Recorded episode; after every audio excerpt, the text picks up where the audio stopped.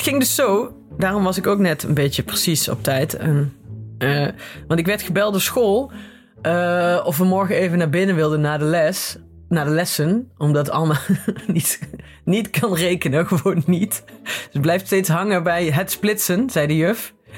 Alleen, toen zei ze dus ja, want bijvoorbeeld als het, eh, als het vraag is de 9, uh, 10 eraf 9. En toen dacht ik, what the fuck? Tien jaar af. Maar is dus het woord min. Het woord min is dus vervangen door het woord eraf. Ik vind dat echt super irritant. Ik, al, ik kreeg overal jeuk meteen. Waarom? Tien jaar lang is dit al, eh, Hanneke. Maar waarom? Waarom? Wat is er mis met het woord min? Want 10 eraf Weet ik 9 veel. is. 10 er- het is het- als je een normale zin wil maken, is het. eh 10, Ja, met, nee, 10 het- 9 eraf. Het is met een komma ertussen. Het is niet een normale zin maken. Ze zijn aan het rekenen. Dus Maar wat is er mis met het woord min? Min is te Dat negatief. weet ik niet, maar die mensen doen al jaren... Die, die proberen het, het rekenonderwijs zo goed mogelijk te doen. En daar zijn allemaal slimme mensen voor. Dus dat is vast goed. Je moet er niet zo tegen in verzet zijn. Nou, was... Ik ben dat niet tegen, alleen tegen Wel, jullie. Ik zeg, dat heel niet boos. Tegen, ik zeg dat niet tegen Alma. Tegen Alma zeg ik netjes eraf. Hè? Want dat doe ik gewoon, anders is het Met gebalde vuisten doe je dat. Ja, het is vast weer de schuld van Woke. Ik zeg gewoon nog Het gewoon minus. de- Minus minus. Hier heb je een abacus. Jezus. Dat zeg ik, ik, heb een minus. abacus hier. in het Latijn. Ja. Geef dan. nog, Nee, maar ik denk dat het gewoon weer de schuld van Woke is. Kunnen we dat niet gewoon zeggen? Min was Nee. zeker weer te hard en te negatief. Het is al lang voor woke was dit Heeft al. er iemand over één iemand op ge- tegen geageerd... en dat is weer door de mainstream media en alle snowflakes weer overgenomen. En nu Het is is wel eraf. zo, dat, het, het is wel heel hiërarchisch inderdaad, het rekenen. Hoe bedoel je? Plussen en minder, hoger en lager. Het is natuurlijk inderdaad, ja... Ja, en ook een beetje vet, vet shaming. Groter dan. Alle, alle getallen zijn inderdaad eigenlijk gelijk, maar inderdaad, er wordt wel een hiërarchie. Het is wel een soort toxisch, eh toxisch algebra. Is Ja. het. School überhaupt, hè? Ja, een vriend van mij is nog steeds, nog steeds boos dat ergens halverwege wiskunde op de middelbare school het keerteken werd vervangen door een rondje. Daar kan hij nog steeds niet met zijn hoofd bij. Ik ben daar dat niet eens dat- ooit dat dat gekomen. gebeurde. ik, heb dat, ik heb dat echt nooit meegemaakt. Door vervangen door een rondje. Dat heb je niet meegemaakt? Nee. Ik heb nooit opgelet met... eh, Hebben jullie wel als Beavis en Butthead liggen zitten lachen bij optellen en aftrekken? Vast. ja, misschien hebben ze het daarom veranderd. Omdat, een, omdat een, een meester zich ongemakkelijk voelde bij het woord aftrekken. Dat ik denk wel het eigenlijk zijn. wel, ja. Oh, nee, maar goed, ik erger me aan. En het is dus ook, plus is dus ook vervangen. Dat had ik nog niet eens door. Nee, erbij is dat. Erbij. Ja, 9 zes- erbij 2. Dit Ja. is toch raar? Ik zou dat ook niet snappen. Ik snap best dat Alma dat niet snapt. Ja, want dan denk je, wat moet erbij om die vrouw? te Wat zegt krijgen? die vrouw? Ja.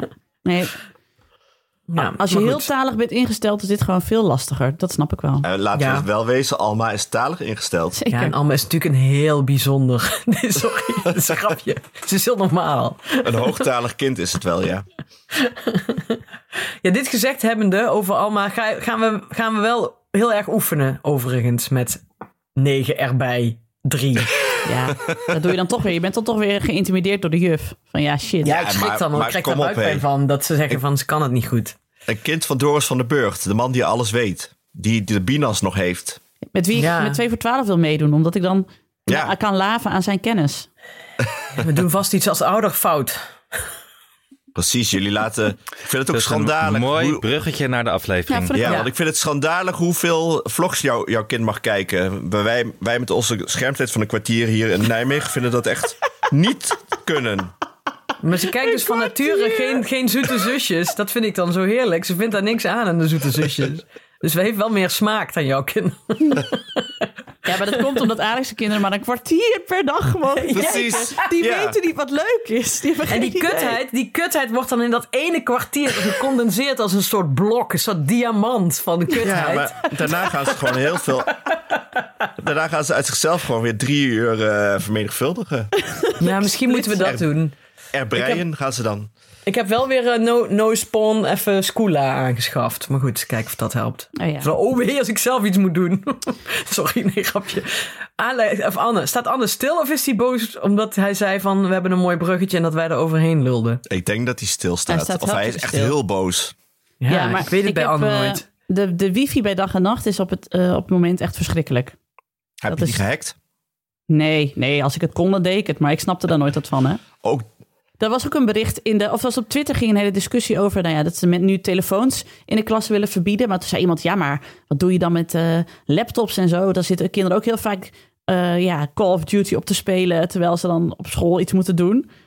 En toen zei iemand ook, ja, ook voordat we laptops hadden, zaten we toch de hele dag op school allemaal dingen te doen die, die niks met school te maken hadden.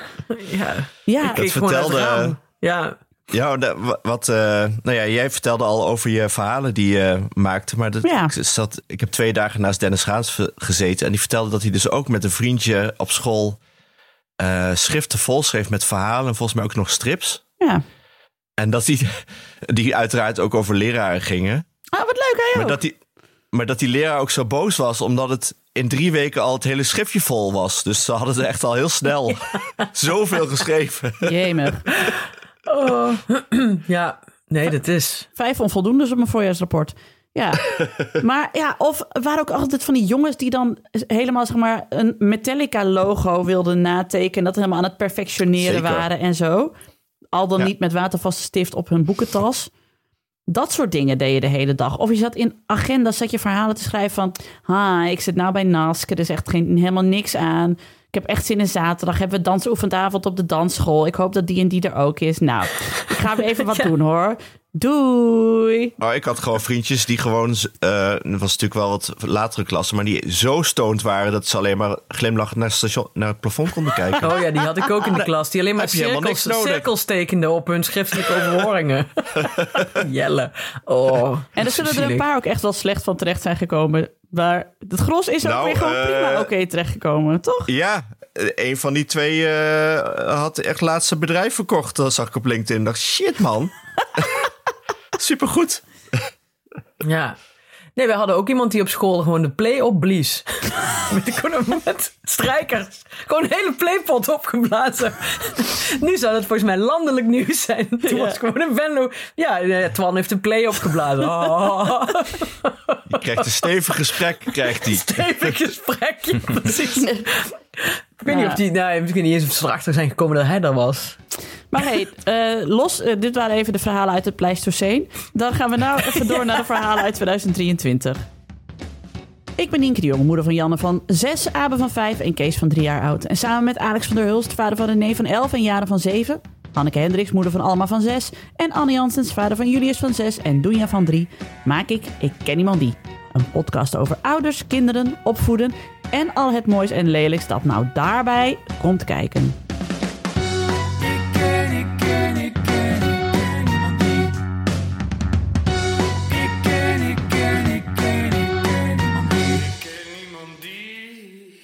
Anne, hoe is het, jongen? Je bent weer terug op het honk. Terug op de honk. Ben er weer. Ik merk dat ik, eh, dat ik een beetje op oorlogspad ben. Oh, lekker, vertel. Ja, Niet ons Met- met boos wie- worden. met Niet ons boos worden. Met wie heb je ruzie? ja ik, ik heb... Je hebt wel eens van die periodes, van die dagen toch, dat, je, dat, dat eigenlijk niemand het goed kan doen, toch? Dat Of heet niks het goed kan doen. PMS heet dat. PMS. Ja, dat heb ik. Dat Ja. heb ik. Of, of Hanneke met eh, hormonen eh, op hormoontherapie. Ja. Hè? Als Iemand ze vroeg zwanger mij wil ook, worden. Ja, iemand vroeg mij ook Oh, ja. laatst eh, over, over Podemo en dag en nacht. En, en die, ja, dat hele andere manier verwerken. Vroeg, hoe, hoe, hoe bevalt de overgang? En toen had ik ook, ja, misschien heb ik daar wel last van, dacht ik toen. Ik denk het, ja. Maar eh, Nee, geef ja. eens een voorbeeld. Met wie heb je ruzie lopen zoeken? Eh, mensen op straat ook gewoon. Maar het is- zit ook, ik ben niet echt, het zit in mijn hoofd vooral. Ja. Dat ik in mijn hoofd weer vijanden aan, aan het zoeken ben. Ben je op dieet? Heb je gewoon honger? Ja, word ik, ik- altijd ik- heel zagrijnig van. Als ik st- stop met suiker, ben ik twee dagen op oorlogspad. Daarna gaat het over. Nee, Ja, dat zou, zou dat het zijn. Dat zou nee wel je bent in de rouw, Anne. Hallo. Ja. Oh, dat kan ook nog. Ja. Dit duurt een half ook jaar. ja. Tenminste, Ja. of langer of korter. Ja, Ik heb ook eh, Wednesday gekeken op Netflix. Hebben jullie die serie gezien? Nee. Viel Heerlijk. tegen. Over Wednesday Adams van Oh. de Adams Family. Ik vond het tegenvallen. ach nee joh, Oh, ik, hartstikke vond leuk. het, ik vond het heerlijk. Oké. Ik heb besloten me ook meer als Wednesday te gaan gedragen. En hoe is dat voor de mensen die het nog niet hebben gezien? Mijzelf inclusief. Eh, dat, je, dat, dat, je dus constant op oorlogspad bent. Geen moordpad. van andere mensen iets, aan, iets aantrekt. Eh, eigenlijk alleen maar zwarte kleren draagt. En geniet van ellende. Oeh. Ja. Goeie samenvatting, Hanneke? Klinkt als Ja, Hanneke heel Hendricks. goed. Ik moet alleen even deur dicht maken, want ik hoor, ik hoor heel hard de kippen schreeuwen Ja, om... s- Slag ze. Pak ze. Ik had het daar gisteren over. Over een man, eh, een, een vriend, kennis, collega van mij. Die zich dus niks aantrekt van als mensen boos worden. Oh, wauw. Eh, ja, is dat dat, geeft wel een gedoe. Ja, echt. Want hij dus... We waren eh, ervaringen aan het uitwisselen. Ehm, aangezien meerdere mensen hem kennen. En ik zei, ja, weten jullie dat hij ook Frans inparkeert? Dan had hij me wel eens verteld. Wat is Dus dat? een beetje Was aan- dat? eh, het is gewoon een beetje aanduwen aan de voor- en achterkant. Ja, ja, bumpertje tikken voor Ja. en een bumpertje tikken achter. En hij zegt ook, ja, eh, daar is die bumper toch voor? Wat een gedoe hier allemaal. Alleen hij had dus heel veel klachten uit de straat gekregen van buren. Die zeiden, ja, je hebt me, je hebt me aangereden. Ik zei, nee, ik heb me helemaal niet aangereden. Ik was even ruimte aan het maken. en eh, toen zei een collega, ja, dat klopt. Hij was een keer aan het klagen over dat hij een boete had gekregen. Eh, dat hij een, geen ruimte had gemaakt voor een ambulance. Daar was hij heel boos over. Maar toen zei die collega, oh, was jij dat? Want ik stond in die rij en ik zag een asociaal daar staan... die die eh, eh, ambulance niet doorliet. Zei, ja, hoezo? Ik was gewoon, ik stond daar. hij, hij jogt ook op het midden van de weg, van een gewoon autoweg. Wauw. Oké, dat vind ik dan wel weer voor hem spreken. Wel met gevaar voor eigen leven trouwens, want er zijn natuurlijk meer gekken op de weg. Ja, ja, hij, is hier- hij snapt niet waarom mensen toeteren dan achter hem. Ah, nou, chapeau voor hem Dus dat, hij, Anne- dat hij zoveel ruimte in durft te nemen in het leven. Als Het is een voorbeeld animal. voor ons allen. Zeker. Ja, Anne, dit kan allemaal. Ja, ja, ja. ja, ja, Maar ja. Anne, je weet dus Nee, ook... ja, ik zit ook eh, in een periode dat alle apparaten om me heen het begeven. Ja, goed. Komen zo ja, nog eventjes ik. op, even cliffhanger. Ja. Maar dat gaat, waarom gaat het altijd in, in drievoud? Dat, wat is dat Ja. nou toch? Dat is zo, dat is een wet. Het zal vast een, een naam hebben. Universum. Verder ben ik ook boos op een eh, staatssecretaris. Zullen we het daar even over hebben? Ja, doe Ja. maar. Kom eens even rond de tafel, moet je horen wat er is gebeurd. Zijn jullie ook wel eens boos op staatssecretarissen? Aan de Man. lopende band. Dan hangt de vlag weer om, ondersteboven buiten. Zo. En dan vraagt ze in de de buurt, Jong, waar ben is je je nu weer boos minst, over? je minst favoriete staatssecretaris? Ga even het lijstje erbij pakken. Ik kom hierop terug. ja. Want ik wil niet dat hoe heet die ene? Die van de, van de toeslagenaffaire. Hoe heet zijn ook alweer? Met die filmpjes. Alexander Ik van. Huffelen. Die heb ik laatst Een ontmoet. van de zoveel. Ja. Of is dat geen staatssecretaris? Ja, dat is een staatssecretaris. Ja. Die vrouw. Nou ja. Die ene die altijd van zijn fiets valt, ja, die heeft ook wel weer wat. Maar ik vind het wel jammer dat hij dus telkens iets breekt. Sander Dekker. Sander Dekker. Ja. Maar die is toch alweer lang buiten beeld nu? Die is toch staatssecretaris? Nu niet meer, toch? In Rutte niet Oh, meer. oké. Nee, niet Dat meer. was hij wel. Nee, dat, Die nieuwe, dat die valt niet van zijn fiets. Terwijl, joh. Oh. Nou, we, we, blinken weer uit Sorry. in onze lichtende ja, inzichten is. Ik zal even... ehm, Kijk, oké, Maar onderwerp. vertel, Anne. Ja. Eh, we gaan het zo even over prestatiedruk hebben. Want er was laatst eh, stond er een, eh, een bericht online, een, of een interview met de staatssecretaris Van Ooyen. Maarten heet hij volgens mij, dat weet ik even niet meer. Ja. Van de, van de Christenen, de Christenunie. En zijn hele punt was dat kinderen minder naar de psycholoog zouden moeten gaan, omdat eh, door, nou ja, door waardeloze politiek van de afgelopen jaren de zorg naar de vaantjes is geholpen. En dus niemand meer ergens terecht kan. En hij zei, ja, het is vooral de schuld van kinderen, want die moeten niet zo vaak gaan. En eh, anderen moeten dat maar opvangen om met kinderen te gaan praten. Eh, maar hij, hij zei dat al die kinderen gaan vanwege de grote pest- prestatiedruk, zei hij. Om eraan toe te voegen, eh, hij zegt dat twijfels bij opgroeien ho- horen. Iedereen is wel eens onzeker. We moeten het meer zoeken bij elkaar. En toen dacht ik, Hij is van de ChristenUnie, hè, jongens? Nienke, Alex, Hanneke, laten we het eens deze aflevering zoeken bij elkaar. We doen niet anders. ja, We, we- Waarom hebben wij een podcast? Zodat we niet naar de psycholoog We sparen hoeven? vier Oh, psychologen toch bij de uit. psycholoog. dus eigenlijk zeg jij, Nienke de Jong, wat de staatssecretaris had moeten zeggen als tegen de jongen was: start in hemelsnaam nou gewoon eens een podcast. Nee, maar wat de staatssecretaris zegt, het is natuurlijk heel makkelijk. Natuurlijk is het waar wat hij zegt. eh, dat je dat opgroeien, dat gepaard gaat met dingen die moeilijk zijn. En dat je niet, als je denkt, oeh, ik ben een beetje sip voor een keer, dat je dan niet meteen naar de psycholoog hoeft. Nee, dat snap ik zelf ook wel. Het probleem is alleen niet. Ja, het probleem is alleen dat er dat ze het steeds moeilijker maken. Ja. Of dat je als je iets Ja. hebt en je bent even sip, dat je dan eerst zes maanden moet wachten. Voordat je daar precies. even heen Er kan. Zodat het allemaal heel erg is. Zodat je drie die- jaar moet in plaats van een maandje. Want je mag ook Ja, niet meer drinken onder de 18. Ja, dat riep ik Je mag pas niks meer. Ja. De wereld gaat naar de tyfus. We zijn dus bij dag en nacht is net eh, de Francine Omen Hoe overleef ik podcast begonnen. Ja. En eh, ik zat bij Gelieten Sofie met een paar van die jongeren om tafel. En toen zag ik ook zo'n moodboard met alle dingen die zij hadden aangegeven waar ze mee zaten. En waar Francine dan iets mee moest. En toen dacht ik ook, ja jemig zeg. Je zult nu 24 zijn en je zit met je studieschuld en je kunt geen huis kopen. En eh, je moet heel snel afstuderen en je moet weten wat je wil. En nou ja, en inderdaad de druk van die sociale media. En En de wereld gaat eh, kapot. je ouders. En de wereld gaat kapot. En jouw ouders hebben een plan voor jou. Mijn ouders hadden echt veel minder een plan met mij dan Ja. de ouders van nu. Volgens mij met de kinderen van nu. Serieus. Vind je het gek? Weet je? Eh, dat, en dat ga je niet. Want dan zegt die Maarten van Ooyen zegt... ja, dat moeten de sportclubs en de buurthuizen ook opvangen. Die moeten daar ook een luisterend oor in bieden. A, die hebben ze allemaal wegbezuinigd. Die zien hebben allemaal het water aan de lippen. En wat denk je? Dat een kind van 21 dan denkt... oh, ik ben suicidaal. Wacht, ik loop even naar het buurthuis Ja. voor een kop koffie. Is toch geen oplossing? Even Dit is gewoon van je afschuiven. Ja, even korfballen voor mijn mental health. Ja, Ook deels niet dat is- onwaar natuurlijk. Nee, oké. nee, is ja. ook zo. Nou, Ga lekker zingen. Nee, maar ik haat het gewoon dat nu... Sorry hoor, maar nou heb je me kwaad. Dat al vier kabinetten lang alles de maatschappij in wordt geslingerd. Elk probleem dat er is, wordt weggeschoven van... nee, dat moet je met de mierskip gaan opzoeken. Met je nabuurschap. Jullie moeten elkaar maar naar het ziekenhuis rijden... want de buurtbus kunnen we niet meer betalen. Nee, de bibliotheek moet gesloten worden. Maar zoek elkaar maar op in je huiskamer... of weet ik van, ruil daar je boeken. I don't care. Allemaal dat soort dingen. En dan nu lopen we houden dat iedereen vastloopt. En dan zeggen, ja, sorry hoor, zoek het zelf maar uit. Waarom hebben we dan leiding in dit land? Waar, waar zitten zij daarvoor? Die zij moeten ook wat je sturing geven. Nee, die hebben het Hier, toch hier. Ben het eens. Nou, Met kameraad de Jong. Maar zo- zo'n man, zo'n man zegt natuurlijk ook van... ik ga het niet oplossen. Ik ben Nee. staatssecretaris, Nee, ik zit hier Het is ook iemand van de, dingen te sorry hoor, oplossen. het is ook iemand van de. ChristenUnie. Die is gemaakt om te zeggen van, eh oeh, Ik ga het niet oplossen. oeh. Zoek het bij de kerk. Nee, Een zo- hogere kracht lost het wel voor jullie op.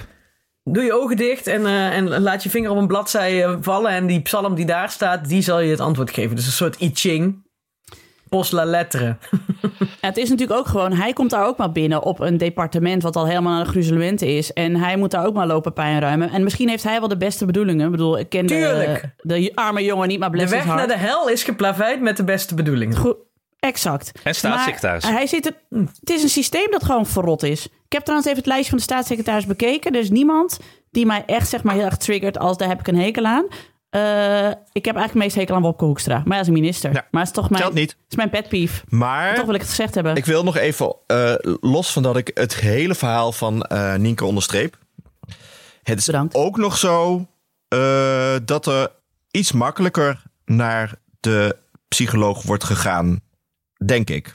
Hoor ik. En Ja, dat geloof ik wel. Dus dat Geloof zit er ook ook. nog bij. Dat, ko- komt dat komt er ook nog eens een keer bij. En, en wat er ook nog speelt, denk ik, geloof ik, eh, is dat het heel veel op sociale media gaat over dit soort dingen, waardoor ze ook nog eens uitvergroot worden. Ja, dat geloof ik ook.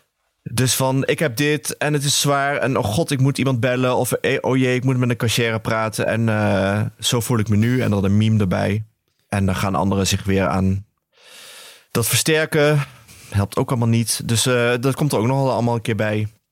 Nou ja, ik vind het eigenlijk Ja, wel ja- prima dat er wat makkelijker naar de psycholoog wordt gegaan. Volgens mij komen uit generaties mensen die alles opkropten en met trauma's een hele leven lang rondliepen. Dus prima Klopt. toch?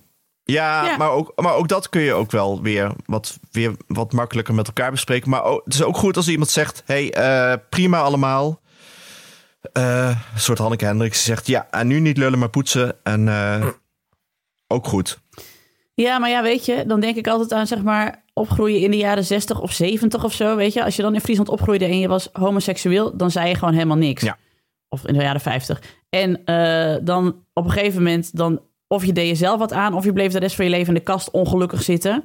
Eh, ja, dan had je wel één psycholoog bespaard, want diegene is nooit naar de psycholoog gegaan, maar is ook geen ideaal leven. Hè? Ik bedoel, eh, ik Maar ben blij dat we nu veel opener zijn over hoe we ons voelen. Zeker, En maar wat er in ons omgaat. daar moet je wel, eh, daar heb ik dan wel eens iets onderbouwds over gelezen. Daar moet je wel cognitief mee omgaan. Dus je eh, leed uitstorten over anderen die alleen maar erbij zitten knikken, dat eh, werkt averechts weer. Ja, maar dat, dat zal iemand bij de korfbalclub doen. Ja, dat is inderdaad het gevaar. Een goede psycholoog doet dat niet. Nee. Kan wel als tip geven voor al die mensen die, die worstelen ergens mee. Ga bij een koor. nou, dat is echt therapie hoor. Gewoon, je komt, er, je komt de kut in. Je brult heel hard Oasis Don't Look Back in Anger mee. En daarna ga je verlicht naar huis. I kid you not. Dat is zeker. Dat soort dingen helpt wel. Dus het helpt zo. wel om te gaan sporten of iets creatiefs te gaan doen. Of je te uiten. Of al ga je stem bevrijden in een weiland. Gaan staan schreeuwen. Allemaal prima. Maar uit je. Uit je. Nou, maar en, en wat ik nu ook merk. eh, het is niet aan ons en het is ook zeker niet aan de staatssecretaris om eh, psychologie te bedrijven. Dat is aan psychologen. En die kunnen ook vertellen.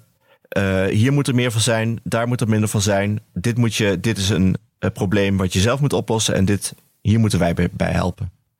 Toch? Ja, Ja. heel Ja. goed. Ik ken, ik ken, ik ken, ik ken iemand die.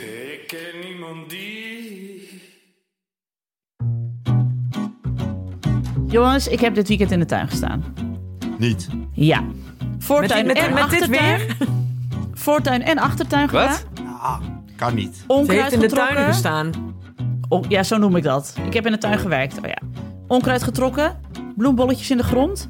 Maar wat is het probleem is, ik heb dus geen idee eigenlijk of ik het ergens voor gedaan heb of dat die bloembollen allemaal veel te laat in de grond zijn gestopt. Ja, je hebt maar gewoon heel frivol wat dingen in het rond gestrooid.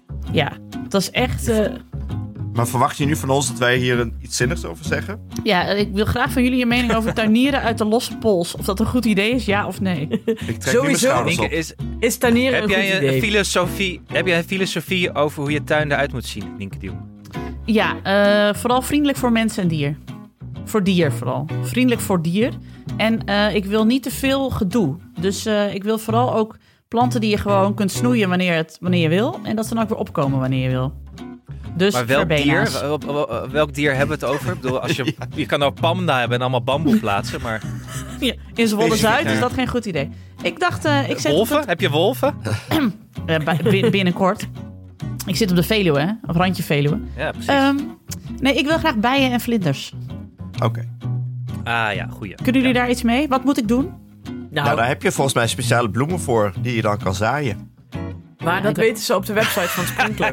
Ja, dat mag Daar heeft ze hopen, want ik weet het niet. Alex. Daar heeft ze veel aan. ja, Ik ben blij dat jij je verdiept bloemen hebt, die je hoor, kan Alex. zaaien. ja. Nee, want in plaats, Nienke, Nienke, in plaats van dat je je dus in het weekend eh, je begeeft in de hel die, de, die het tuincentrum heet, Oh, dan moet je... kun je beter Nee. lekker in de, in, de, in de warmte van je eigen eh, huis, woonkamer, slash, weet ik waar je zit als je aan het internetten bent, lekker naar sprinkler.co. En dan kun je lekker allemaal plantjes kopen en eh, daar heb je ook allemaal advies over wat je wanneer in de grond moet stoppen. Kijk, Precies, daar heb je meer aan dan aan ons. dat Zo, sowieso. sowieso. Zelfs met z'n drieën zijn we nog geen Piet Oudorp, dus ehm, Oudolf heet hij, dat zegt alweer genoeg. Pardon. Nee, je gaat naar sprinkler.co en eh, daar kun je alles bestellen. Plantjes voor buiten en advies krijgen. En, en, en. eh, je weet dan in ieder geval zeker dat er geen bestrijdingsmiddelen op zitten. Die eh, alle leuke beestjes die jij juist wil in de tuin en die ik ook wil, eh, die die beestjes doodmaken. Kijk, dat willen we niet. je hebt dus- Dode beestjes. Je, Nee. je hebt dus zelfs, hoorde ik, je hebt dus zelfs zaden waar al de bestrijdingsmiddelen op zitten. Die moet je ook niet hebben. Nee joh. Nee. Echt? Ja. Jesus Christ. Nou, zie je, dit had ik dus allemaal graag willen weten. Eh, ik ben blij dat ik het nu weet. Eh, hebben wij nog voor onze Maar, lieve maar wacht, nog beter. Nee, wacht even. Nog beter zijn trouwens die tuinpakketten, Nienke. Dan heb je meteen gewoon alles eigenlijk wat je nodig hebt. Kijk, Moet je maar even kijken. Je kan allemaal verschillende tuinpakketten kopen voor schaduw, voor halfzon, voor zon.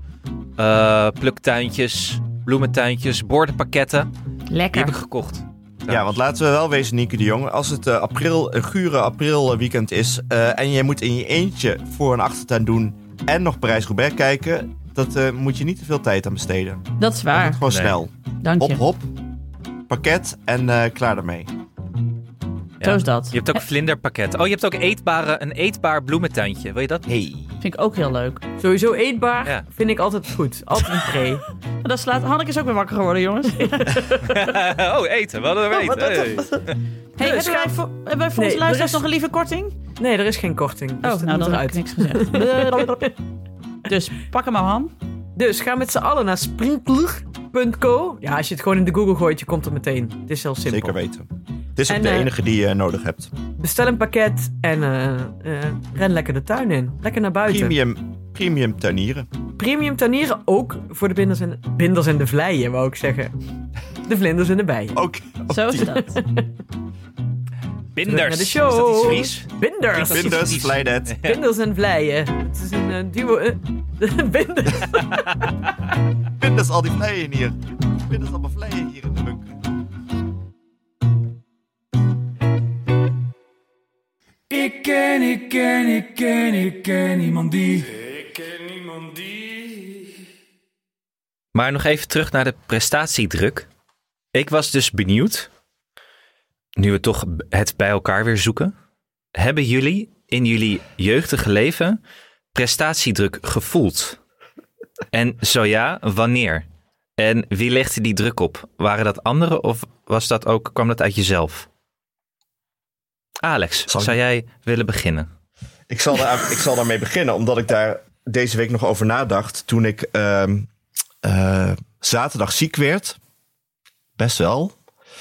Zondag alweer me weer wat beter voelde. En dacht, ja, ik moet toch maandag, en dinsdag en woensdag weer eh, present zijn ergens. Dus ik moet ook beter worden. En ik dacht, wat een onzin eigenlijk. Toen ik weer, weer kuchend en eh, niet helemaal fit eh, ergens heen sleepte. Dat zal Hanneke Hendricks echt nooit doen, dacht ik toen nog even. Die bleef gewoon thuis. Ik weet nog dat ik een keer... dat iemand tijdens een vergadering bij Artes zei van... dat ik zei, ja nee, maar dan doe ik dat wel even. En dan de week daarna, oh, dan ga ik daar wel even heen. Toen zei iemand met een heel zalvende stem... hey, maar Hanneke, neem je wel genoeg rust? En toen deed Dennis gaan... zo, ik zo... Ja, maak je geen zorgen. Ik lig wel op... Ja, Ja, toen moest ik jij meedenken. tra- Verschil, de, ik vind Ik wel verschil iemand tussen prestatiedruk en af en toe ergens verschijnen. Ja, nee, Ja. maar het is wel. Het was een andere kant van die medaille. Dat ik dacht van, eh, dit is ook niet. eh, het was niet zo belangrijk dat ik hier was eigenlijk. Dacht ik achteraf. En ik hoorde iemand in de trein een heel verhaal houden dat ze een week op bed had gelegen. Ik dacht, oh, dat is een student. En toen kwam ik, ging ik uitstappen, was helemaal geen student. Toen dacht ik, oh, die heeft vast geen kinderen. Een week op bed liggen. Ehm want ik dacht aan de andere kant, ja, eh, ik moet misschien wat meer eh, Hanneke Hendricks zijn. En er is ook hier iemand, een Nienke de Jong, die eh, toen zat ik te denken in metaforen, dacht, als, als je zegt je hebt een afspraak in Oost-Berlijn in de jaren zeventig, was ze gewoon de muur overgeklommen. Want ze heeft een afspraak in Oost-Berlijn, dus dan ga ik gewoon. Oh, Mijnenveld, ik, ik doe heel even een hinkstapsprong.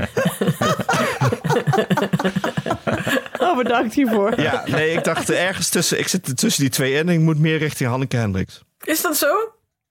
Ik denk het ook. Ik Ja, vind het wel is- ik vond het iets te veel. bij Nieke's uitvaart eh, eh, gezegd, gebezigd kan worden eigenlijk. Om haar te typeren, ja. ja. Zet hem voor op mijn rouwkaart. Er zit heel veel in. Er zit, er Duits, er zit heb- Duitsland in, oorlog zit erin, haar punctualiteit zit erin. Klopt. Nou ja, Ik- ik Alex, dacht, eh, ik wil wel iemand- even zeggen dat ik waarschijnlijk van ons allemaal het langste... Ik ben tien jaar in therapie geweest. Misschien komt het daar Ja, wel door. Maar precies. goed, dat heb ik wel zelf betaald. Op het juiste moment zat je. Nee, ze zeggen, eh, iemand zei laatst, het is een combinatie van eh, eh, opvoeding, eh, karakter en omstandigheden. En daarin heb ik toch enige prestatiedruk gevoeld, misschien, die misschien niet uitgesproken is door mijn ouders. Maar ik dacht wel, het moet allemaal, ik moet me presteren. Eh, iets te veel heb Ja. ik het. En, en waarin uitte zich dat? Hoe voelde jij dat? Ik voelde dat doordat ik heel, heel onzinnig bij... eh, ik heb een best briljante broer die eh, fluitend door het gymnasium eh, ging. Dat ik dacht, ja, eh, school, ik moet gewoon het hoogste halen. Dus heb ik dat, ben ik dat gaan doen. Terwijl ik het eigenlijk niet aankon. En ik het Ah. niet leuk vond. Nee. Dus heb Hmm. ik op mijn tenen gelopen en me niet gelukkig gevoeld daar. Ach, jongen toch. Nee, ik vind het serieus, zonder ironie. Hmm. Ja, daar zit wel- maar ook wel iets achterloos in. Wat ik natuurlijk ook in me heb. Eh, en maar eh, een, een sub, eh, sub, hoe noem je, een subambitie van... Ik hoefde daar geen tiende te halen, maar ik moest wel alles halen van mezelf. Je hebt zeg maar zuchtend prestatiedrang. Moet ik Ja. dit ook nog doen? Doe ik dat maar weer. Bleef ik weer zitten. Toen, dacht, toen ik eindelijk bleef zitten, dacht ik... ja, misschien moet ik geen gymnasium beta-studie volgen. Jee, Wat ik helemaal Nee. niet kan. Oh my god. Verschrikkelijk. Maar Nee, dit is wel- nooit een ja. gesprek geweest met je ouders destijds. Ook niet toen je bleef zitten. Je Nee, die vonden dat ik beter mijn best moest doen. Dat moest ik misschien ook wel, maar ik wilde dat helemaal niet. Hmm. Ik heb wel een, ben wel op een faalangscursus gezet toen, wat echt niet werkte. Want ik dacht, huh? Volgens mij heb je ook helemaal geen faalangst, toch? nee, Nee. dat dacht ik ook niet, maar er zat dus wel van alles. Maar aangezien mijn ouders nooit over gevoelens praten en ik ook niet, eh, heb ik dat lekker allemaal innerlijk eh, verwerkt. Niet verwerkt. Heerlijk. Toen heb je een keer de play opgeblazen. Nee. Misschien had je dat moeten doen. Ik heb mezelf Man. opgeblazen, dat heb ik wel gedaan. Ja. Maar Anne, had jij prestatiedruk vroeger? Eh, nou, alleen de druk denk ik die ik mezelf oplegde. Ik heb dat nooit vanuit mijn ouders gevoeld. Die hebben mij wat dat betreft echt eh, ehm, een hele veilige omgeving altijd geboden. Dus dat heb ik niet zo gevoeld. Ik heb meer een soort eh, concurrentiegevoel altijd gehad met andere kinderen. Dat ik het beter wilde doen of dat ik wilde winnen. Dus in die zin heb ik me altijd wel druk opgelegd en me uitgesloofd om goede cijfers te halen. Maar dat heeft me nooit. Ik ben daar nooit heel erg gespannen van geworden, denk ik. Het was voor mij meer een motivatie om daadwerkelijk mijn huiswerk te doen en in plaats van wc's opblazen, eigenlijk. ik denk pas later een beetje dat ik ehm, rond mijn studie, dat mijn ouders wel iets meer begonnen te pushen. Al moet ik daarbij ook zeggen dat het enigszins terecht was, omdat ik toen al wel een jaar of zeven bezig was eh, op een gegeven moment. Ja, ja, ja. Ja. Van, eh, jongen, nou even. Ja, er mag ook wel eens iets gebeuren natuurlijk. Eh, Dus dat, dat was ook wat meer, meer terecht. Nee, ik denk dat ik dat wat dat betreft echt ehm mazzel heb gehad. Of, of ehm, ik denk, het zal ook deels wel in me, aan mezelf hebben gelegen dat ik het misschien ook niet altijd heb opgepikt. Eh, dat kan ook. Ik ben ook redelijk... eh, ik vaar wel vaak mijn eigen weg sowieso. Trek me daarbij niet al te veel van anderen aan. Niet zoveel als Wednesday Adams, maar wel, het zit wel een beetje in me. Je bent wel vrij redelijk stoïcijns. Ja, inderdaad. wel best wel, ja, ja, ja. Ik denk dat mijn zus het misschien wat meer had. Die kwam drie jaar onder mij. En ik fluitte door het, eh, door het gymnasium, een beetje als met, eh, met Alex. Alleen had, bleek mijn zus nog veel briljanter te zijn dan ik, uiteindelijk. ja. Maar die heeft het op de, zeker op de basisschool sociaal gezien wel wat lastiger gehad. Ik was altijd met vriendjes en ging overal heen met allemaal mensen. Daar had mijn zus veel meer moeite mee. Dus die heeft daar wel een, eh, nou, wel, wel wat meer last van gehad vroeger, lijkt me. Daar moet ik eigenlijk een keer met haar over praten, maar nooit echt gedaan. Ehm, maar ik zat wel laatst. Dat, laten we het daar zo ook even over hebben. Van de prestatiedruk die je misschien ook soms onbewust je kinderen oplegt. Want ik merkte dus dat ik dat vanochtend deed. Gewoon heel achterloos in een gesprek met mijn buurmeisje. Fietste ik naar school. Met, eh met Doenja en Julius en buurmeisje Karoen. En toen hadden we het erover. We hadden het op Julius vroeg of zij ging verhuizen. Ik weet niet waar die dat nou weer vandaan ha- haalde. Maar goed. Toen zei ik, nou misschien gaat, eh, gaat ze wel verhuizen als ze gaat studeren. Zei ik. Maakt mij het uit of ze gaat studeren. Misschien wil het kind, kind helemaal niet studeren. Of kan ze het Nee. niet, dat weet ik niet. Volgens mij is ze heel slim, maar dat weet ik eigenlijk niet zeker. Maar ik dacht, door zoiets te zeggen, leg, je, leg ik misschien ook alweer een soort onbewuste Nou, ideeën neer, of je mag niet? toch wel vragen, zeggen, je afvragen of iemand gaat, of zeggen van misschien ga je studeren. Dan, dat mag Nee, ik zei, als ze gaat, ik zei als ze gaat studeren. Ja. Nou, ik merk, Ik ga, ik er merk wel wel, vanuit, eh, ik ga er wel vanuit dat mijn kinderen gaan studeren, namelijk omdat ik dat zelf heb gedaan. Dat weet ik wel. ja. Nou ik ja. merk wel ik dat, hoop ook dat ze mensen vaak wat ik, wat ik niet zeg en wat anderen wel veel doen is eh, succes. Dat zeg ik eigenlijk nooit. Ik zeg wel altijd veel plezier tegen mijn kinderen en tegen andere kinderen. Ja. Maar succes, ook op school, dat ben ik een beetje mee gestopt. Ja, succes. Ook bij al die toetsen. Dat, eh, René was nog wel gevoelig voor druk. Dus daar ben ik echt mee gestopt. Van ja, weet ik veel. eh, al haal je tien fout, vindt allemaal alles goed. Ja. Dat is wel, dat heeft ze zelf of door eh, leraren of wie dan ook. Of, of medescholieren. Legt ze zichzelf al te veel druk op, vind ik. Wat, wat ik alleen maar wil temperen. Dus ik doe heel achterloos over elke toets en dingen en eh voorstellingen en zo. Ja. Wat goed. Ja. Nee, heel goed. Ik zie ook wel heel veel. eh, ik zie het wel eh, veel op eh, bij, bij destijds nog bij de zwemlessen. Dat heel veel ouders eh, erg nerveuzig doen en eh, het heel spannend maken voor de kinderen. Ja. Hoe, hoe merkt je dat dan? En ja, die diploma zwemmen. En dan ook al heet het over beginnen. Ben je zenuwachtig? Ben je zenuwachtig? Spannend hè? Spannend hè? Oh, ja. Kijk, hou op, hou je mond. Oh Ja. god, ja, weet je nog bij mij? Die Gewoon, man die eh, deed op het raam tikte naar zijn kind en dan ging voordoen hoe Oh, de... Oh god, ja, die man. Oh, hoe zou het met dat kind gaan? ja, maar aan de andere kant is het ook wel, als je zegt spannend, hè? Je kunt ook even het ventieltje loshalen. Als een kind heel veel spanning voelt en jij negeert dat, is ook weer niet. Dan Nee. denk je van, ja, maar waarom voel ik me nou zo... eh, Ja, eh, en we moeten ophouden met de hele tijd tegen elkaar te zeggen van... nou, dit moet je eigenlijk kun je beter niet zeggen, dat kun je beter niet zeggen. Ja, je moet gewoon zeggen... Je moet gewoon inderdaad niet te veel druk leggen. En verder moet je gewoon zeggen wat jij op dat moment denkt dat goed is, toch? Als je niet Ja, complete moet- mongool bent, dan komt het toch wel goed? Je ziet, je ziet heel goed aan je kind of je Ja, moet zeggen precies. van hup, hup, eh, wees even concentratie. Of hey, maak je niet zo druk. Het is Ja, maar, precies. Kijk maar hoe, hoe ver je komt. Ja, precies. maar moet je je gewoon... moet inderdaad niet langs de zijlijn staan met jouw verwachtingen. Nee, die, precies. eh, maar, maar als ik me ergens aan kan ergeren is als mensen zeggen... hey, het woord succes moet je niet meer gebruiken. Dan denk ik, ja, ik gebruik lekker succes als ik er zin in heb.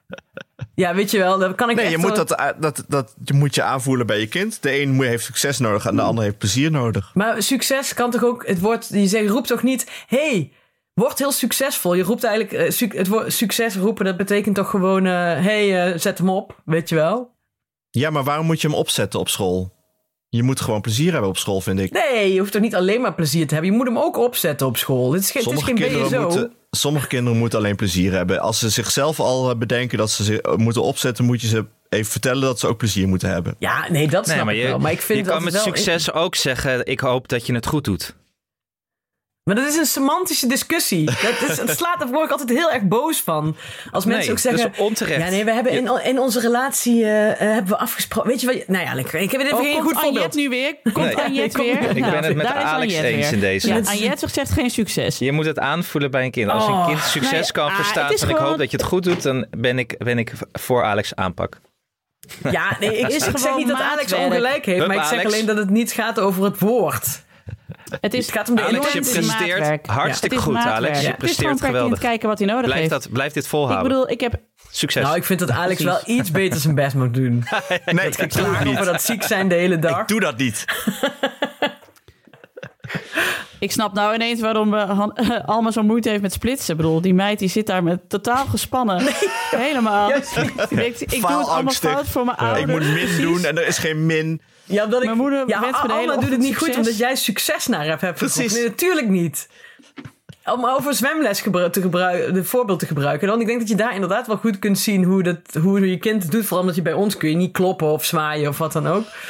Alma is gewoon zo geheel ehm, onverschillig ten opzichte van het feit dat ze er geen ruk van kan. Het interesseert er helemaal niet. Dat ze met Die één hand gewoon door dat bad en... eh, met één hand alleen maar in rondjes zwemt. ja, en op een gegeven En moment zich vraagt afvraagt ze dan... waarom ze niet vooruit komt. Ja, en op een gegeven moment vraag je, dat vraagt ze dan, mag, wanneer mag ik er dan alsjeblieft van af? Want ik vind het niet leuk. Ja, als je B hebt. Nou, en dan had ze zo B. Dus het is ook gewoon een, gewoon een bepaalde vorm, variatie van desinteresse. Die ik ook heel goed snap. Want het is ook gewoon niet leuk. En dan denkt ze, ja, waarom zou ik opletten? Ik heb helemaal geen zin om hier mijn energie aan te verspillen. En Maar- dat heeft ze wel weer van Doris en mij. Dus wij moeten juist tegen haar zeggen van, nou, het is wel belangrijk dat je even oplet als de juf iets uitlegt. Maar Toch? ja, maar Nienke de Jong, jouw plichtbesef. Waar komt dat dan vandaan? Eh, ja, dat is mijn eh, hervormde opvoeding. Nee, eh, ik heb echt geen druk gevoeld tot mijn achttiende of zo. Helemaal niet. Ik mocht alles worden wat ik wilde. En ik had allemaal onvoldoendes. En dat was allemaal prima. En ik snapte geen zak van wiskunde. En ook daar deden mijn ouders vrij laconiek over. Die hadden al lang door, die komt er wel.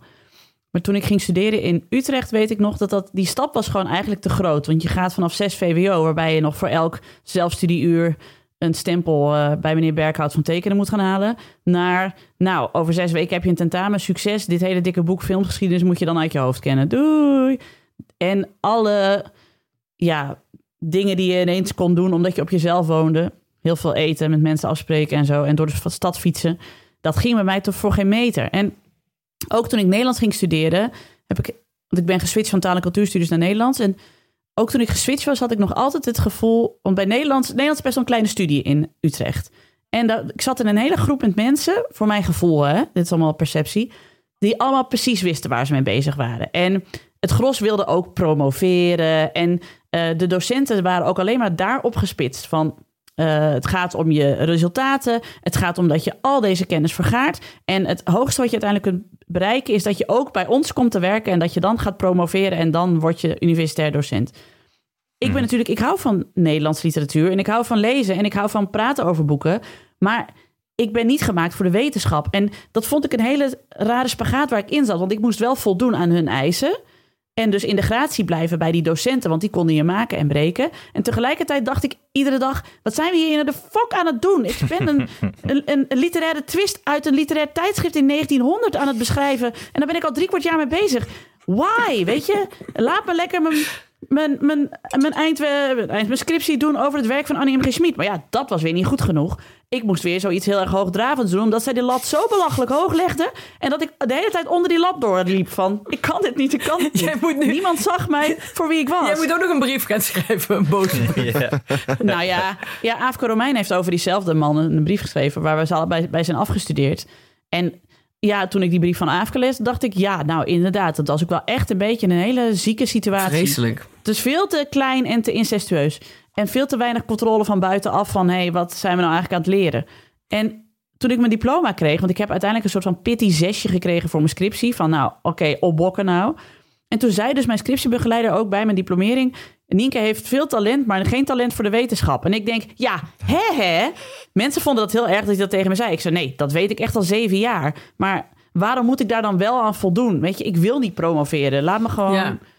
mensen leuke dingen leren over Nederlandse literatuur. Dat is wat ik kan, weet je? En die prestatiedruk, die hoef ik echt nooit meer. Want wat, wat, eh, wat, wat levert dat?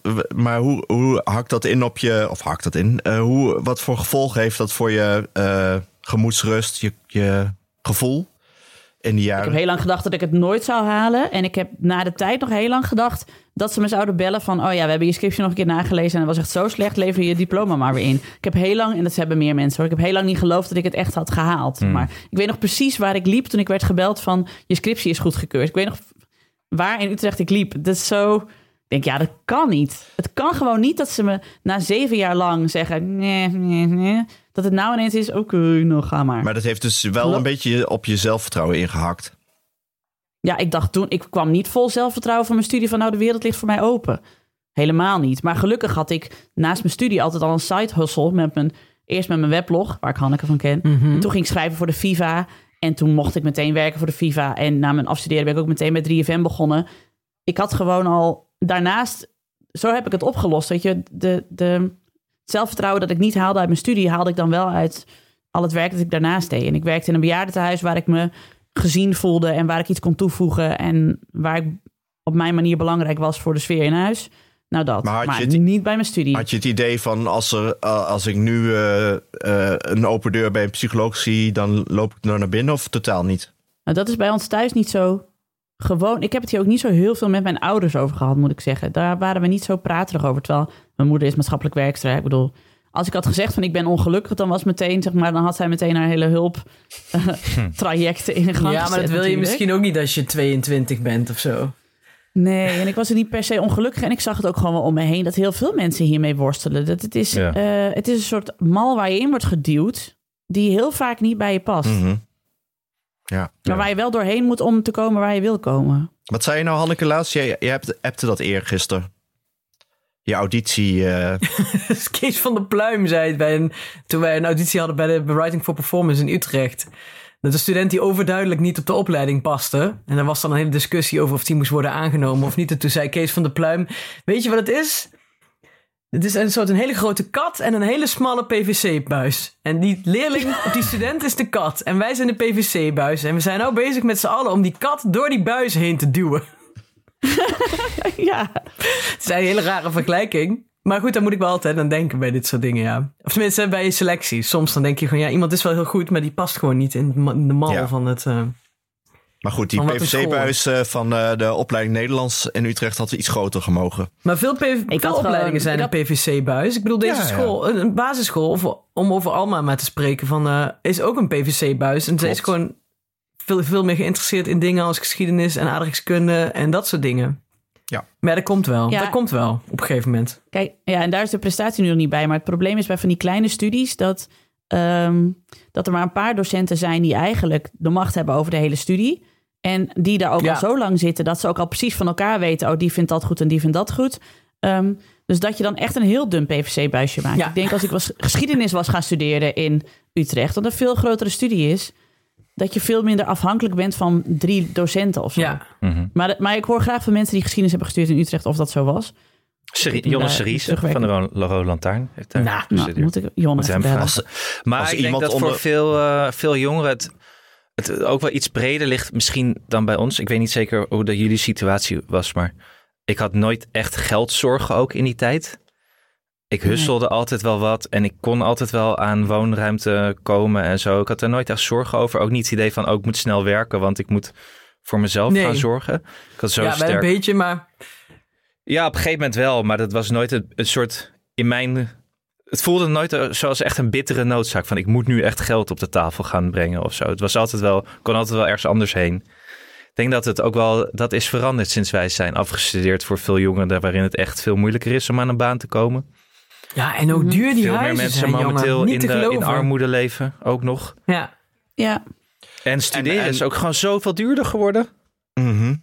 Mhm. En wij zijn nog van de tijd dat je kon worden wat je wil. Dus dan ging je lekker taal- en cultuurstudies doen. Ja.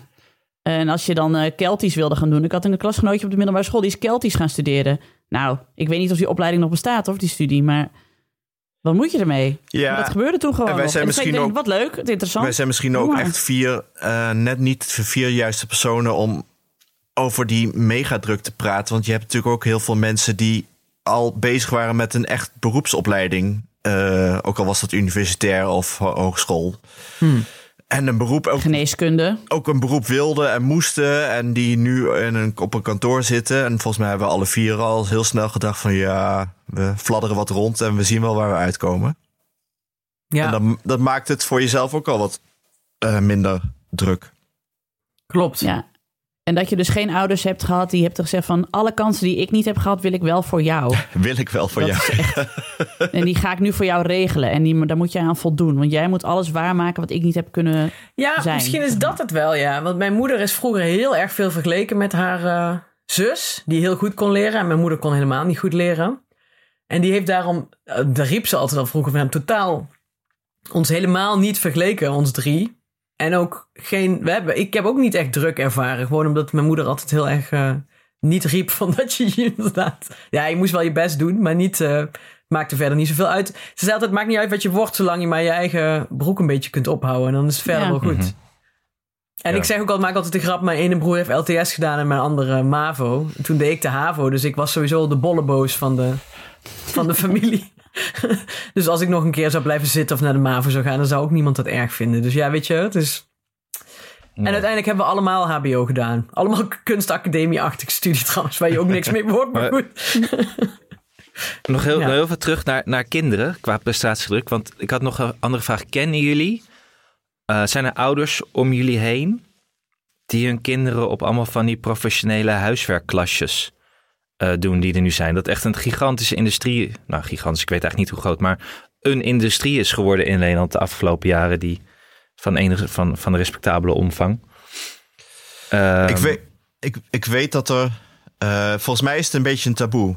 Eh, mensen Denk ik zullen- ook, ja. Mensen zullen dat niet snel toegeven, maar ik weet dat er... En ik vermoed op sommige punten dat het druk is bij kinderen. Zeker zo nu rond groep 8, waar René in zit. ja. Er is druk, want er worden ook al. eh, ik hoor eens af en toe eens over bezwaren hier en daar, over adviezen. Ja, nou ja, als, je weet hoe groot, hoe groot moet de druk zijn als jouw ouders bezwaar gaan maken tegen jouw eh, middelbare schooladvies. Ja. Ja, Als er iets Ja. een impliciete druk is, dan is het dat wel. Ja. Nou, echt, hoe goed ze het misschien ook bedoelen, maar dan is het al, eh, dan weet je van, oh, die, eh, die willen Ja. iets. Ja. Ja, want bij jou op school is ook zo'n talentenprogramma, of, of toch Alex? Zo'n schaduwtalenten ding? Ze hebben wel een, een- ze hebben een eh, eh, hoogbegaafde afdeling, ja. Waar Veel ook heel veel, plezier, roepen ze allemaal. Als ze veel plezier Veel met het man. Vooral geen succes Bij je hoogbegaafde klasje. mandarijn, in het mandarijn optellen en aftrekken. Ik weet niet wat erbij is in het mandarijn, maar... eh, eh, ja. Ehm, ja, dat zit er natuurlijk in. Ik was ook op een open, een open dag van zo'n school waarin de... Waar ik was ik een beetje boos over. Waarin de bijles... eh, eh, bijlesbedrijfje had daar een standje. Eh, we liepen verkeerd. Ja, we zijn van het bijlesbedrijfje. We horen niet bij de school. Maar we zitten hier wel in het schoolgebouw. Ik dacht, wat? Hoezo zit je in dit schoolgebouw? Ja, dan hadden ze een kamer of een, eh, een, een kantoor. Ik dacht, nou, oké. Vind ik raar. Hadden jullie bijles dit- vroeger of huiswerkbegeleiding? Verplicht ben ik op een soort... eh, eh, door de leraar Nederlands zat ik met een vriendje, eh, die blower trouwens, was zelf de blower ook. Die, eh daar moesten wij inderdaad nog een les erbij volgen. Maar je hebt wel het meest, eh, meest druk, denk ik, dan Ja. allemaal gekregen. Ja, maar ik denk dat daarom, je, daarom nou ook begrijp, begrijp ik ook wel dat jij geen succes wil roepen. Dus ik snap dat. Dus dat is ook helemaal goed. Dat moet je ook doen. Dat was die school waar Doris ook op zat. Diezelfde leraar die gaf namelijk eh, bij Nederlands op de universiteit onderwijs. En hij behandelde ons als uh, Nederlands studenten. Dus wij hadden een uh, vandalen liggen bij de schriftelijke overhoringen, want niemand snapte de, de vragen. Was namelijk had hij woorden gebruikt die niemand snapte. uh, ja, nee, er zat toch wel druk op. Maar nu is het ook, hè. Uh, er is nu bekend geworden dat Athena, dat is een bijlesinstituut, die zitten enorm uh, te pushen op studenten dat ze, waar ze allemaal bijles kunnen volgen en uh, tentamentrainingen. Ja, en, maar weet je wat het natuurlijk ook weer is? Um, we moeten natuurlijk ook weer het scheiden van... je hebt natuurlijk kinderen die gewoon extra stof nodig ja, hebben... en die denk, dan in ja, zo'n hoogbegaafde klasje gaan zitten... en die daar totaal gelukkig ja, zijn, die weer heel ongelukkig zouden worden. Dus het is ook, wat ik zeg, het is maatwerk. Je moet gewoon Ja. naar je Ja. kind kijken... En het is ook niet zo dat die ouders die die kinderen op dat hoogbegaafde klasje hebben... dat die meteen Nee. van die tiger moms zijn. Dat is natuurlijk ook weer niet dat zo. wil ik ook echt niet. Als mensen zover zijn gekomen, on- ondertussen hebben ze nu in het half uur dat we. Dat ik, en zijn ze al, is die brief al af, snap ik wel. Be- Begrijp me niet verkeerd. Ik snap best wel dat er hoogbegaafde kinderen zijn die, eh, die wel problemen hebben en niet in het eerste gezicht meteen heel slim overkomen. Dat snap ik ook wel. Alleen, ik moet soms gewoon lachen over wat mensen schrijven. Maar, eh, maar ik zie ook wel eens voor me. Ik bedoel, als, als Alma nou helemaal totaal niks snapt de hele tijd van het rekenen, dan sluit ik heus niet uit dat ik denk een keer, oh god, laat eens een keer iemand komen die dat uitlegt, die er verstand van heeft of zo. Ja, weet je wel? Dat, Nou, ik, ik, ik hoorde ben niet, ook, nu ook ben niet anti-bijles of zo, maar Nee, ik ook niet. Maar ik hoorde bijvoorbeeld... Ik, de andere kant van medaille. Ik hoorde weer in mijn omgeving iemand die nu zijn kind van de openbare basisschool haalt. Om naar een privéschool, particuliere privéschool te gaan voor 25.000 euro per jaar. Jesus. Om, eh, ja, om beter onderwijs te krijgen, om een beter advies eh, in de wacht te slepen. ja, daar moeten we natuurlijk helemaal Maar- niet heen. Ja, maar dat, dat, dat is ook flink gegroeid in het land, toch? Dat soort, dat soort, eh, Ja, dat soort zeker. scholenpraktijken. Ja, een beetje Amerikaans. En dan ben je weer bij de geleest. Ja, ja. Nou ja, goed. En dan ben je weer bij kansenongelijkheid. En dan ben je weer bij Rutte 4. En dan ben je weer bij Maarten van Ooyen. Die het wel weer uit, uitsmeert over de maatschappij. Nee, Ga maar ja. weer oplossen met je Ik buurthuis. vind het ook wel lastig hoor. Maar ik, eh, ik denk dat je ook moet accepteren van... hé, hey, dit is de school. eh, dit bieden ze aan. Dit, is de, dit zijn de pluspunten en de minpunten. Daar doen we het maar mee. Want ja, na de basisschool komt weer een middelbare school... met allerlei plus- en minpunten. En, Ja. eh, dus ja... het is, soms moet je ook wel... Dat zit je wel weer bij die staatssecretaris. Soms moet je dat ongemak van... scholen en adviezen en zo ook maar accepteren. Het is het nou eenmaal. Nee, je bent eigenlijk weer uit, aanbeland bij de oom van Bluey. Die tegen zijn dochter zegt... Voor ons ben jij heel erg bijzonder. Maar de rest van de wereld vind je gewoon niet zo bijzonder. Oké. Nou, Ja, daar wilde ik graag even mee eindigen. hier, hier. Nee, dat is ook zo. Ja, maar het is lastig, jongens. Het is lastig. En ik wil ook niet... eh, nou ja, wij hebben ook de, de antwoorden Nee. niet. Nee. Als- Als, Alma ja, zou blijven maar gelukkig ja, als. Alma zou blijven zitten, zou ik dat ook op zich niet erg vinden. Maar ze heeft nou zo'n leuke klas met zulke leuke kinderen. Maar dat, Dat doen ze al. eh, daar zat ik dan wel weer. Mijn, dat zat mijn moeder. Mijn moeder zegt het. Gaan jullie over? Dan word ik altijd heel boos. Ik zeg ja, iedereen Ja. gaat over. Dat is, is- ja, Is blijven zitten, geldt dat, doen ze dat niet meer? Jawel, maar dan, het is ook niet meer. Ja, ik vind het, het idee bij mij is blijven zitten van. Oh, die is dom. Maar vaak is het iemand die gewoon echt nog een jaartje nodig heeft. Ja. En voor mij, Het is toch vooral nog een, een jaar langer kleuteren dat ze dat nog doen. En daarna niet meer zoveel, toch? Ja, soms wel eens. Maar dat is Geen ook, idee. ook, ook zo'n geval van iemand heeft nog wel even een jaartje nodig. Maar dat idee Ja. van ja, je moet overgaan, waarbij mijn moeder er nogal in zat, dat zit ze dus op mijn kinderen al heel erg. Dus daarom begin ik dan altijd heel erg te mopperen. Ja. Dus, ja, ze gaat over. Ja, maar Hoezo vraag je op dat? De, op, op de basisschool slaat dat nog nergens op. De middelbare school vind ik het een valide vraag. Precies. Iedereen bleef op de middelbare school zitten, toch? Omdat je een jaar in je neus zat te peuteren. Nee, dat je een jaar Janneke, zat... nee. Nee. Nee. Ik ben ook nooit blijven zitten, maar ik was... Ik wel. Het was echt een wonder dat ik... Ik dacht echt, ik, ik zak dit jaar. En toen was ik geslaagd. Toen moest ik ineens gaan studeren. Mijn 17e. Oh. Ik zei toen ook tegen meneer de Visser van Wiskunde, aan. misschien zak ik wel. Hij zo, nee Nienke, jij moet hier weg. Je bent hier echt klaar. Get out, get out of it. Ga gewoon je best doen en ga slagen, want het slaat wel nergens op. Je moet niet nog een jaar. Oké, had hij ook wel gelijk in. Dus dat was wel druk, was prestatiedruk van meneer de Visser. Maar hij had wel gelijk.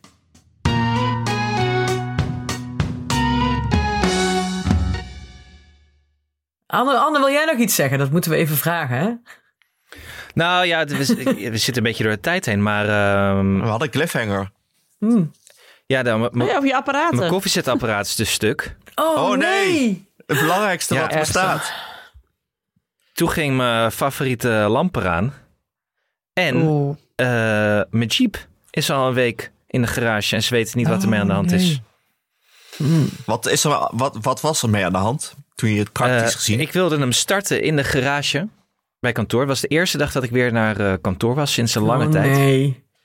En toen, toen wilde ik gewoon weer wegrijden. En toen zei de Jeep beveiligingsprotocol laten controleren. Ik dacht, ja, Amahula, dat bepaal ik zelf wel wat mij betreft. eh, Wat een prestatiedruk ja. heeft die auto. daar ga, ja, Ja, daar- ga ik toch over. Daar ga jij als auto toch niet over. Als ik dat beveiligingsprotocol niet wil laten controleren, dan is het toch mijn keuze. Mhm. Maar hij wilde niet starten totdat iemand het beveiligingsprotocol eh, zou controleren. En tot op heden is het niemand gelukt om het beveiligingsprotocol te, pro- te controleren. Oh. En er is niks stuk, de, rem slim. of zo. Weet je wel, iets essentieels. Nou ja, dit heeft Het een echt stuur. anderhalf. Ik voelde me echt bezwaard. Want een echt anderhalf uur lang heeft zo'n ANWB-man bij mijn auto gestaan om te repareren. En ik zei op een gegeven moment: Moet je niet ergens anders heen? Nee, maar dat vinden die toch leuk? Juist zoiets uitvogelen. Ja. nou, hij had het echt naar zijn zin, inderdaad. Ja, Ja. Dat was wel. eh, ik minder, want ik. Ja, het was half twee, toen wilde ik van kantoor weg. Tikkie vroeg, dus kun je nagaan hoe het met mijn prestatiedruk momenteel eh, gaat. Maar goed. en uiteindelijk was ik pas om zeven uur thuis, wat ik heel laat vond. Vind ik wel laat. heel laat voor als je om half twee... Jezus Christus. Ja. Ja, nou ja, goed. Maar dingen Nou. gaan altijd... eh, ongeluk komt altijd in, eh, in meervoud. I feel Ja. your pain, Anne. Eh, en Cynthia stond met de auto voor een eh, stoplicht hier om de hoek. Toen zei de auto klonk. En toen, eh, de motor deed het wel. We hebben verder geen, eh, onze auto kan geen eh, berichten geven. Dus eh Dat zijn de beste auto's. Ja, dat zijn de beste. ja. is hij te oud voor. Maar hij reed niet meer. En eh, we zijn Nadat hij inmiddels... klonk zei. Ja, En toen was En, hij dood, klonk de auto. nou nee, hij, hij, hij, eh, de motor deed prima. Alleen eh, hij reed gewoon niet. Zeg maar, De, you have one job. Weet je wel? ja, precies. Nee, maar de motor doet het. Ja, nee. De wegenwachtman zei het is de, de vooras. En toen zei eh, de wegsleper, nee, dat is het niet zo. Goed, het was wel de, de aandrijfas en de, eh, het wiel lager. Dus inmiddels zijn we voor onze... eh, ik moest een beetje, ik heb hem vanochtend opgehaald en ik moest een beetje huilen. Want eh, hij ziet er ook heel zielig uit, aangezien we hem nooit wassen. Dus er komt, er komt- groeit af en toe een boompje uit. Ja, ja, ja, dat heb ik ook. Ja, mosje in het raam. Ja, eh, mosje, heel veel mosjes. Alleen daar hadden we dus wel net meer dan 600 euro aan uitgegeven aan die auto. Oh nee. Maar Ja. mag ik hem dan afmaken? Maar is- of wacht, komt is er nog Zometeen wil ik nog een afmaken. Ja, ga door. Ja. Sorry. Maar is de Nee. auto helemaal, helemaal Nee. klaar en overleden? Nee, hij is eh, gemaakt voor, voor dat geld. Oh. Maar je had dus al 600 euro uitgegeven en nu moest je weer heel veel geld nee, nee, nee, nee, uitgeven nee, nee, nee, nee. auto. Dit, Oh. dit moest ik uitgeven. Alleen, Oh, ik, ga, ik ga altijd in paniek dan eh, op de autotrek eh, of autotrader of wat dan ook kijken. Van, god, ik moet een nieuwe auto. Oh ja, dat Vo- doe ik. Voordat die diagnose er is. Dus Een soort Hanneke op Funda ben ik dan. Ja, maar ik doe dat ook. Als de auto hapert, ga ik meteen Ja, alleen kijken. is dus nu blijken dus tweedehands auto's ook al in, aan inflatie onderhevig en niet verkrijgbaar. Dus waar ik vroeger nog keuzes had, had ik nu helemaal niks. Dus ik dacht, nou, laat ik het geld maar uitgeven en hopen met gekruiste vingertjes dat ik volgend jaar misschien eens een betere tweedehands kan kopen. Ja. Ik heb zelfs bij dat een Geup ellende. gekeken, maar die zijn ook loeiduur. ja, maar dan heb je wel Ja. een eh, goede auto. Een premium Nou, want het kwam zo. Mijn, mijn Volvo, gekocht bij Greup, die ging ineens... eh, was, kwam ik pas in de auto en toen zag ik dat het autoalarm was afgegaan in de tijd dat ik er niet was. Ergens in Nijmegen. En toen, paar nachten geleden, ging die s'nachts ook af, het autoalarm. Dus ik Alweer? naar buiten rennen. Ja, maar dat was, dit is de andere auto. Dus ik, kut, kut, kut. eh, en ik googelen, veel voorkomend probleem bij de Volvo S60. Ik zo, kut! Dus ik naar Greup, ik uitgelegd. Ik zeg, kan, kunnen we, kan dat niet dat hele alarm eruit? Nou hebben ze de zekering er voor mij uitgehaald van het autoalarm. Dus hij gaat alleen nog maar met zijn lichten flitsen. Dus als iemand de S60 wil jatten, Dit is je kans. weet je hoeveel het kostte? Het was gratis. Het was gratis. Kopje koffie weer Tuurlijk waarschijnlijk. Ja. Tuurlijk. En ze wisten niet eens dat ik jarig was op die dag. En je had, oh, je had een bananenbrood meegenomen Nee, of zoiets. ik, ik, ik, breng wel een, ik ga wel een keer taart brengen, ja.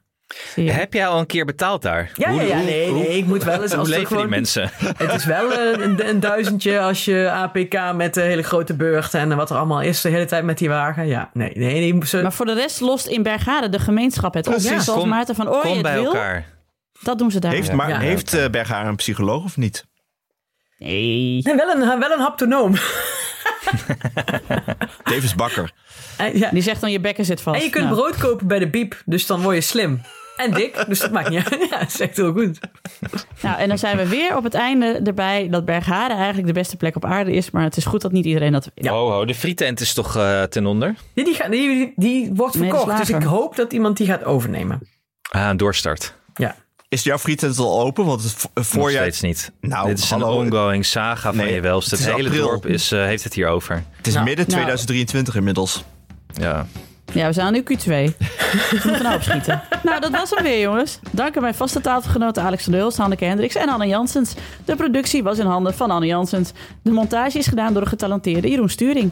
Mocht je ons iets willen vertellen, heb je een tip of een vraag of een opmerking? Kom dan naar onze Vriend van de Show pagina. Voor een klein bedrag kun je Vriend van de Show worden, waardoor je ons de gelegenheid geeft om nog meer mooie afleveringen te maken. Op Twitter heten we @ikkenniemandie en ons mailadres is ik@dagennacht.nl. Ook voor mails over prestatiedruk. Dank voor het luisteren en tot de volgende. En ook voor boze mails. De, gooi het eruit. En felicitaties voor, felicitaties voor Cynthia, want die is 40 vandaag. Oh, Kijk, eh, oud.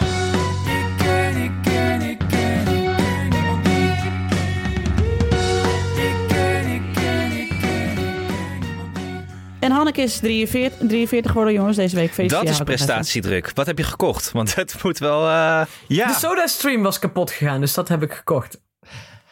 Oh, jij, wat, wat heb jij gekocht? Wat, Wat ja, Alex, heb ik jij heb voor gekocht? Een gekocht. plantenhouder met bak. Ja, Oeh. nee, ze was Oeh, heel blij de mee. tepels terugduwen. Was heel blij Ah, mee. oké. Heel Nou, blij ik heb een broodrooster gekregen van Doren. Jezus, jongens. de- Tepels, jongens. Nou, maak me gek, jongens. Oh, Met geen strijkijzer. deze opname uit. Net geen, nee, hij heeft voor zichzelf een strijkijzer gekocht. Ja, Heel voor goed. Die was ook zichzelf. Het klopt, Anne. Alles is kapot aan het gaan. Alles gaat kapot. Alles gaat kapot. Dat vind ik een mooi eind. Succes, jongens. Steeds weer. Nee, nee, nee. Dag. Doei. Dag, dag.